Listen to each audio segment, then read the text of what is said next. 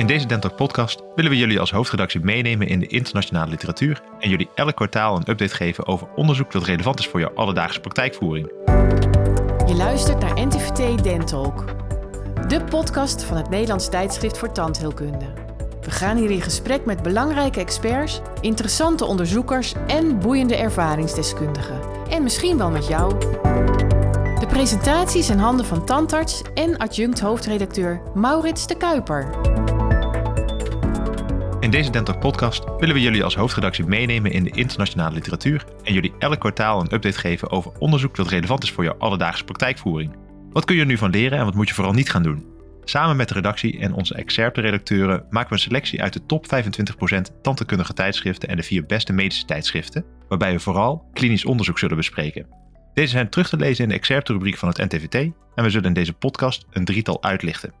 Ja, James, leuk om een keertje hier met je over te praten, want we hebben allebei een passie voor die combinatie tussen de wetenschap en de praktijk. En ja, hopelijk kunnen we deze update eh, ook wel gebruiken om de luisteraars wat tips te geven over interessant onderzoek. Een andere gedeelde interesse van ons is ja, het vakgebied van de endodontologie. En de afgelopen jaren zie je eigenlijk al dat de partiële pulpotomie wat meer voeten aan de grond uh, krijgt. En hierover is het afgelopen jaar een gerandomiseerde dubbelblinde klinische studie uh, verschenen van Tsane Takis en collega's in de International Endodontic Journal. Kun je ons uh, eens meenemen in deze studie, James? Ja, um, nou ja, vaak wordt voor de partiële pulpotomie ehm, mineral trioxide aggregaat, kortweg MTA, gebruikt. Maar de laatste jaren zijn er ook biokeramische sealers in opkomst. En de meeste collega's die zullen die biokeramische sealers wel kennen als een alternatief voor de traditionele kunsthartsealers, zoals bijvoorbeeld de AA26. Maar de biokeramische sealers die hebben ook een potentie als materiaal voor de directe pulpenoverkapping. En in de studie van uh, Tsanetakis werden blijvende gebitselementen met caries en pulpitisklachten behandeld met een partiële pulpotomie met MTA of een biokeramische putty. En hierbij werd eerst een koude test uitgevoerd of het element nog deels sensibel was. En de behandeling werd door één behandelaar uitgevoerd onder de microscoop. En de procedure die verliep als volgt. Eerst werd al het karies weggeboord en vervolgens het ontstoken deel van de pulpa met een diamantenboor weggenomen. De pulpastomp werd daarna gedesinfecteerd met een wattenbol, het 1,5% hypochloriet, gedurende 30 seconden. En vervolgens werd een wattenbol met fysiologisch zout aangebracht gedurende 2 minuten. Hierna werd of MTA of een biokeramische putty aangebracht.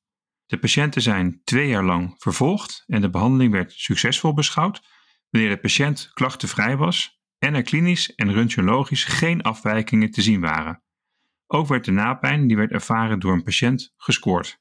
Ja, die MTA eh, die kennen we uh, wel al uh, natuurlijk vanuit uh, het verleden. Nou, die biokeramische putty, dat is een, een nieuw en misschien wel veelbelovend materiaal. Want wat bleek uiteindelijk uit die studieresultaten? Nou, in totaal werden er 137 pulpotomieën uitgevoerd in 123 patiënten. En na twee jaar was de partiële pulpotomie in 86% van de gevallen succesvol. Dus dat is best wel hoog.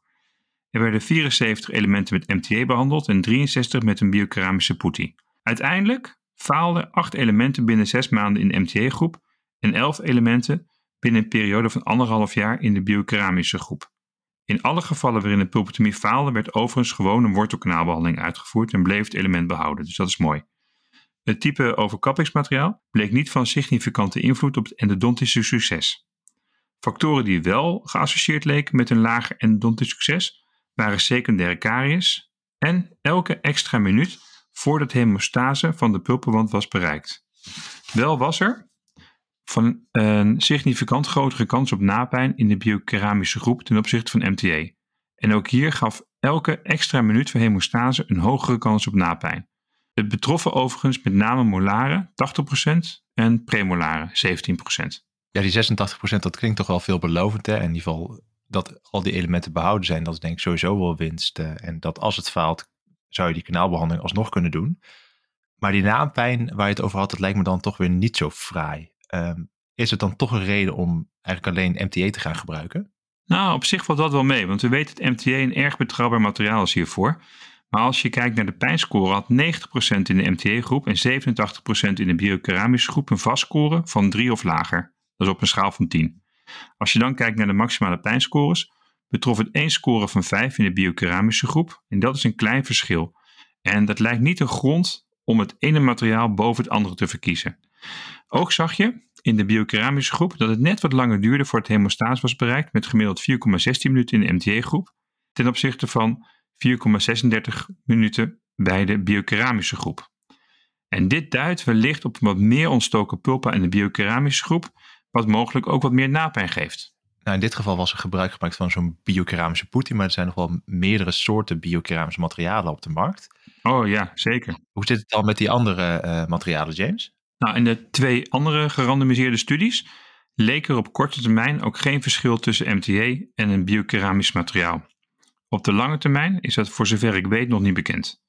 Ik denk dat het ook belangrijk is om te kijken naar mogelijke klinische voordelen, want zo zorgen sommige MTA's voor verkleuring van het gewitselement en dat is mogelijk een minder risico met biokeramische materialen. Daarnaast is de verwerking en ook de prijs van het materiaal een belangrijke klinische overweging. Ja, wat kun je daar wat over zeggen? Die, uh, die prijs van MTA ten opzichte van zo'n biokeramische sealer, uh, ontloopt dat elkaar veel? Ja, dat ontloopt elkaar behoorlijk veel. Zo'n biokeramische sealer, ik uh, wil geen merken noemen, maar de sealer die wij bij ons in de praktijk gebruiken, die uh, zit op 150 euro ex-BTW voor een spuitje van, wat is het, nou laten we zeggen anderhalve milliliter. En MTA zit ongeveer op 60, 70 euro voor 4 gram. En daar kun je eigenlijk vrij lang mee doen met die 4 gram. Mhm. Dus als je dat goed droog bewaart, dan is dat wat uh, makkelijker. Kijk, het gebruiksgemak van die biokeramische sealers is natuurlijk gewoon ja, heel prettig, want het is gewoon ready to use. Terwijl MTA moet je een beetje mengen en ja, dan wil je een beetje een Bulgaarse yoghurtachtige consistentie van uh, maken. Eh, dat moet je gewoon met handigheid in krijgen. En als je die handigheid hebt, dan, dan, is het prima, maar het kost gewoon een beetje tijd. En daar moet je gewoon even ja, over nadenken. Nee, duidelijk dan blijft er ook nog één vraag over. Ja, goh, zo'n partiële pulpotomie, is dat eigenlijk een alternatief voor zo'n volledige wortelkanaalbehandeling? Want ja, alhoewel niet de gehele pulpa uh, ontstoken hoeft te zijn, is dat klinisch toch soms best wel heel erg lastig. Hè? Zeker bij zo'n uh, meerkanalig element. Dan lijkt me toch best wel lastig om ja, te kijken van hey, dit stukje zenuw is nou wel echt ontstoken en dit stukje zenuw is gezond. kun je daar nog wat over zeggen? Ja, nou, voor zover ik weet is er één gerandomiseerde klinische studie waarbij het endodontisch succes van een partiële pulpotomie werd vergeleken met een wortelkanaalbehandeling bij molaren met irreversibele pulpitusklachten. En dat is een uh, publicatie van Ascari uit 2015. En na vijf jaar bleek er geen significant verschil tussen beide. De partiële pulpotomie lijkt dus wel een redelijke behandeloptie bij blijvende gebitselementen met pulpitusklachten. Overigens, het is wel belangrijk om te vermelden dat het om vitale gebitselementen gaat. Hè? Dus vitale pulpitusklachten. En want als het misgaat, kan je namelijk altijd nog een uh, wortelkanaalbehandeling uitvoeren. Ja, super. Dank voor de toelichting, James. Ja, nu we de endodontologie hebben gehad, is er een uh, andere belangrijke pijler van de alledaagse praktijk, de parodontologie. Het ernstige parodontitis komt ongeveer bij 7 tot 8 procent van de Nederlandse bevolking voor. Na een initieel traject wordt bij restpockets dan vaak de keuze gemaakt om deze nogmaals te reinigen of aanvullend chirurgisch te behandelen. En wanneer ervoor wordt gekozen om nog eens te reinigen, zijn er wellicht mogelijkheden om de kans op succes bij deze restpockets te vergroten. Het gebruik van lasers binnen de tandheelkunde groeit gestaag, zo ook binnen de endodontologie en de parodontologie. Maar zou de laser een meerwaarde kunnen zijn voor het niet-chirurgische behandelen van deze restpockets? Precies deze vraag stond centraal in een split-mouth gerandomiseerde studie van Aoki en collega's die verscheen in de Journal of Periodontology in 2023. Uh, eh, Maurits, kun jij hier ons eens een beetje meenemen? Uh, jazeker. Um, er werden 21 volwassen patiënten met twee restpockets van meer dan 5 mm na de initiële therapie in verschillende kwadranten geïncludeerd. En deze patiënten waren gediagnosticeerd met parodontitis stadium 3 of 4 en graad B of C. De exclusiecriteria waren roken, systemische ziektes, zwangerschap en antibioticumgebruik in de afgelopen drie maanden. Die restpokkers werden vervolgens willekeurig behandeld door mechanische reiniging met handinstrumentarium, dat was dan de controlegroep, of mechanische reiniging in combinatie met lasertherapie als interventiegroep. Parodontale gezondheid, uh, zoals pocketdiepte, aanhechtingsniveau en bloeding na sonderen, werden gemeten voor de behandeling. En vervolgens na 1, 3, 6 en 12 maanden door twee ervaren gekalibreerde parodontologen. Ook werd patiënten gevraagd postoperatieve pijn te scoren op een vastschaal. En die liep dan van 0 tot 10, waarbij 10 de ergste pijn was. En dat herhaalden ze eigenlijk tot en met drie maanden na deze behandeling. Het lijkt me dan toch best lastig om die pocketdiepte te standaardiseren. Hoe hebben ze dit dan precies gedaan? Ja, dat hebben ze eigenlijk opgelost door een tandmal uh, te gebruiken per patiënt, uh, zodat ze eigenlijk heel betrouwbaar die pockets konden meten uh, over de tijd heen. Oh, wat slim. hey, en Maurits, wat waren de resultaten? Nou, na 12 maanden waren 18 patiënten uiteindelijk beschikbaar voor de evaluatie. En die hadden een gemiddelde leeftijd van ongeveer 60 jaar. Binnen deze patiënten was de gemiddelde diepte van de restpocket voor de behandeling 5,6 mm voor de pockets in de controlegroep en 5,8 mm voor de pockets die mechanisch en met laser werden gereinigd, dus in eigenlijk de interventiegroep. De beginsituatie van de restpocketdiepte voor de mechanische reiniging of de reiniging met laserbehandeling, die verschilde niet significant van elkaar. En na 12 maanden zag je in de lasergroep significant meer gezonde pockets aanwezig dan uh, als je dat vergelijkt in de controlegroep. Dat ging dan om pockets uh, van 3 mm of kleiner zonder bloeding. En als je dan kijkt naar de orde van grootte, uh, dan waren er 12 gezonde pockets in de lasergroep versus 6 gezonde pockets in de controlegroep. Ook was er significant meer pocketreductie in de lasergroep, zo'n 0,7 mm, meer dan in de controlegroep. En uh, wat wel goed is om te noemen, de patiënten ervaarden significant meer postoperatieve pijn bij de pockets die waren behandeld met de lasertherapie. Maar als je dan gaat kijken, was het verschil wel redelijk klein en verdween het ook weer na vijf dagen tot een week. Oké, ja. Hey, en om wat voor gebitselementen ging het dan? Ja, dat is inderdaad wel belangrijk om te noemen. Um, het merendeel van die restpockets zat rondom enkelwortelige elementen, hè, dus uh, premolaren of, uh, of het front.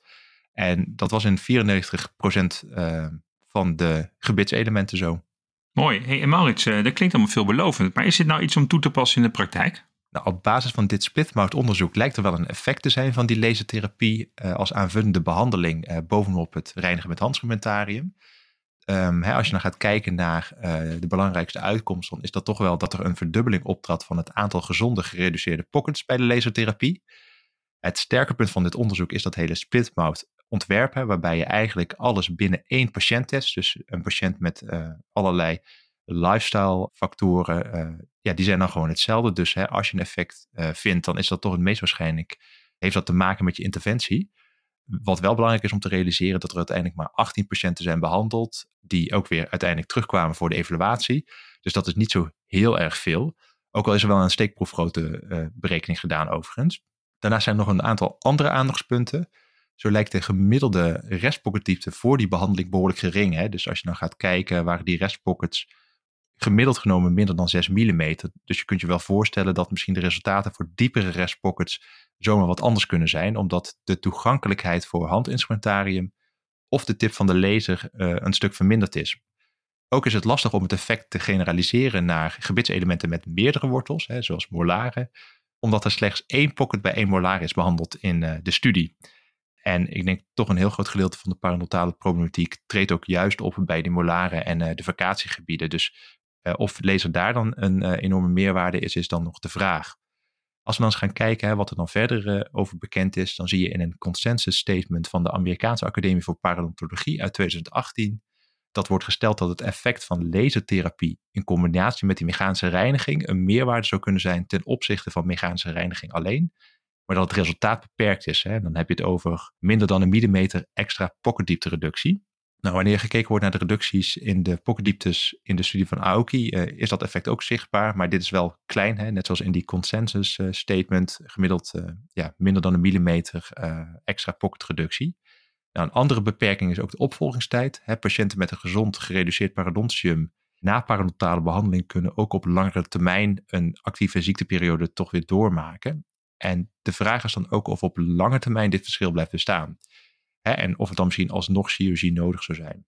Nou, op basis van dit onderzoek kan geconcludeerd worden dat er wel een klein effect lijkt te zijn van aanvullende lasertherapie tijdens de niet-chirurgische herbehandeling van die restpockets. En het is dan wellicht goed om actief pijnstilling te adviseren in die eerste vijf dagen na de behandeling. Nou, over het verschil in levensduur tussen beide behandelingen en de investering van de laser wordt in de publicaties overigens niets gezegd. Dus ja, daardoor is het ook weer wat lastiger te interpreteren en ook wat voor effect dat zal hebben op je uiteindelijke praktijkvoering. Hey, helder. Um, nou, aan de luisteraars, uh, mocht je wat meer willen lezen over de toepassing van lasers in de tandheelkunde. We hebben in 2002 al uh, een uh, publicatie doen uitkomen in het NTVT, waarin de achtergrond van lasers wordt uitgelegd. En die nemen we op in de show notes van de podcast. Als slot van de drie luik, we hebben al uh, twee belangrijke pijlers gehad, maar een uh, derde belangrijke pijler is toch wel de restauratieve tandheelkunde. En uh, daar is ook weer een, uh, toch een leuke studie van verschenen afgelopen jaar. Ja, dat is een iets lichtere studie. Bij de restauratieve tandheelkunde denken we vaak aan hele technische aspecten. Maar in deze gerandomiseerde studie werd met name gekeken naar hoe je de ervaring van de patiënt tijdens zo'n restauratieve behandeling zou kunnen verbeteren. wat hebben ze gedaan, Maurits? Nou ja, bij uitgebreide restauratieve ingrepen, hè, dat zijn toch vaak lange behandelingen, um, heb je toch dat de patiënt het uh, erg vaak als belastend uh, ervaart. Hè? Of laat ik het zo zeggen, het zorgt toch wel voor enig ongemak bij onze patiënten. Nou, in de studie van uh, Philips en collega's, die in 2023 verscheen in de Journal of Dentistry, werd gekeken of het kijken van een film tijdens het vervaardigen van vaste brugconstructies zou kunnen leiden tot een verminderde belasting voor de patiënt. Ze hebben zo'n 145 volwassenen die een vaste brugconstructie kregen, ingedeeld in een controlegroep en in een interventiegroep. Nou, in de controlegroep werden eigenlijk gewoon regulier in twee zittingen een brug vervaardigd. En in de interventiegroep werd boven de behandelstoel een natuurdocumentaire gedraaid. Dat was dan de documentaire Earth. Dus heel erg mooi, rustgevend. En direct na het plaatsen van die brug kregen ze dan een gevalideerde vragenlijst om de door hen ervaren belasting vast te leggen. Om het effect van het filmkijken te onderzoeken, werd in de statistische analyse ook gecorrigeerd voor geslacht, leeftijd en ook zeker niet onbelangrijk, de tandkundige behandelangst. Ah, hey, en wat bleek dan uit de resultaten? Nou, als je kijkt naar de baseline karakteristieken, hè, zoals geslacht of angst voor de tandarts, dan verschilden die controle en die interventiegroep niet van elkaar. Hè. Dus dan zou je verwachten dat als je dan verschillen ziet in die uh, vragenlijst, dat het dan voornamelijk zal komen door het effect van het kijken van die film. Nou, de gemiddelde ervaren belasting was voor beide groepen laag. Uh, en dan heb je het ongeveer op een gemiddelde score van 24 punten op een schaal van 100. De interventiegroep scoorde wel significant lager op de totaal ervaren belasting, met een reden klinisch relevante effectgrootte. Ook scoorde de filmkijker significant lager op de onderdelen van het prepareren, het afdrukken, het cementeren en de algemene behandeling voor, uh, voor zo'n brug. Er was dus een positief effect van het filmkijken op de ervaren belasting, onafhankelijk van de leeftijd, het geslacht of de tandheelkundige behandelangst. Hey, dat klinkt uh, veelbelovend. Moet ik nou uh, morgen dan een scherm gaan installeren in mijn praktijk? Nou, als je specifiek de belasting voor de patiënt wilt verminderen, dan zou ik daar nog even mee wachten. Je zag wel een duidelijk effect van het kijken van de natuurdocumentaire. Maar het is goed om te noemen dat het grootste gedeelte van de patiënten niet echt angstig was voor die tandheelkundige behandeling. Hè? Dan heb je het over zo'n 75% van die groep die ze uiteindelijk hebben meegenomen in de studie. De vraag is dan ook juist hè, voor de doelgroep waar je het voor het zou willen inzetten en waar je het grootste effect verwacht te bereiken, de extreem angstige patiënten, of het dan ook een zinvolle toevoeging is, zo'n natuurdocumentaire boven de stoel. Ook is het effect waarschijnlijk beperkt wanneer een meer invasieve ingreep moet worden ondergaan. Hè. Denk dan bijvoorbeeld aan de extractie van een uh, verstandskies. Zo was er in een andere studie uh, namelijk geen significant effect van audiovisuele middelen op de ervaren angst tijdens de extractie van verstandskiezen in de onderkaak. Ook is de vraag hoe groot het assortiment eigenlijk moet zijn hè, van je documentaires of je films. Want ja, je kunt het een beetje vergelijken met die ene Donald Duck die al jaren in de wachtkamer ligt. Als je voor de tiende keer zo'n film ziet, dan zal het waarschijnlijk ook wel uh, niet heel veel invloed meer hebben op jouw ervaren belasting. Een andere zaak waar je dan toch wel uh, rekening mee moet houden, denk ik ook hè, vanuit de patiënt gezien. Uh, als patiënt is het wellicht storend dat wanneer je helemaal in een film zit, je telkens wordt onderbroken door ons als behandelaar. Omdat we toch even vragen, hey, kun je je hoofd net ietsjes meer naar achter doen, een beetje naar links of naar rechts. Waardoor de patiënt ook het beeld niet meer heel goed kan zien. Of omdat bij de behandeling wij het zicht op het beeldscherm eigenlijk ontnemen, omdat we op een ja, toch wat lastige plek moeten zijn, waardoor onze handen ervoor zitten of ons hoofd om goed zicht te krijgen. Nou, dan kun je ook denken in oplossingen. Hè? En de mogelijke oplossing daarvoor is de VR-bril, waarbij het beeld eigenlijk meedraait met de patiënt, of alleen audio zonder het beeld, zodat ook de behandelaar verder zelf uh, ergonomisch kan blijven werken. Een mogelijk nadeel van zo'n VR-bril vind ik dan wel dat je toch wat lastiger contact kan maken met de patiënt. Hè? Want deze heeft de ogen die geheel bedekt zijn, dus visueel kan zo'n patiënt dan minder makkelijk met je communiceren. Dan is wellicht gewoon het opzetten van de muziek waar de patiënt van houdt in de dagelijkse praktijk toch wat makkelijker. En ook als je kijkt in onderzoek laat dat ook een reductie zien in de angst uh, tijdens extracties. Het lijkt me in ieder geval niet verstandig om een uh, lachfilm op te zetten, want ja, de slappe lach en het werken met roterend instrumentarium in de mond, dat lijkt me toch niet echt een uh, goede combinatie. Nou, en je zal maar een patiënt hebben die zijn film wil afkijken als jij klaar bent met de behandeling. ja, precies. Dan moet je wel even wat ruimer gaan plannen. Dan moet je wat ruimer plannen. hey, Maurits, dit lijkt me echt een prachtig einde van het drieluik. We zijn hiermee aan het einde gekomen van de, deze NTVT-update. De volgende keer willen we jullie weer een update geven over drie interessante studies die verschenen zijn. Uh, wil je nu meer lezen over een interessant internationaal onderzoek dat mogelijk relevant is voor jouw alledaagse praktijkvoering? Kijk dan op ntvt.nl of in de show notes van deze podcast. Tot volgende keer. Dit was NTVT Dentalk, de podcast van het Nederlands tijdschrift voor tandheelkunde. Heb je tips of leuke vragen voor ons? Laat het ons weten via redactie.ntvt.nl. Bedankt voor het luisteren en graag tot de volgende keer.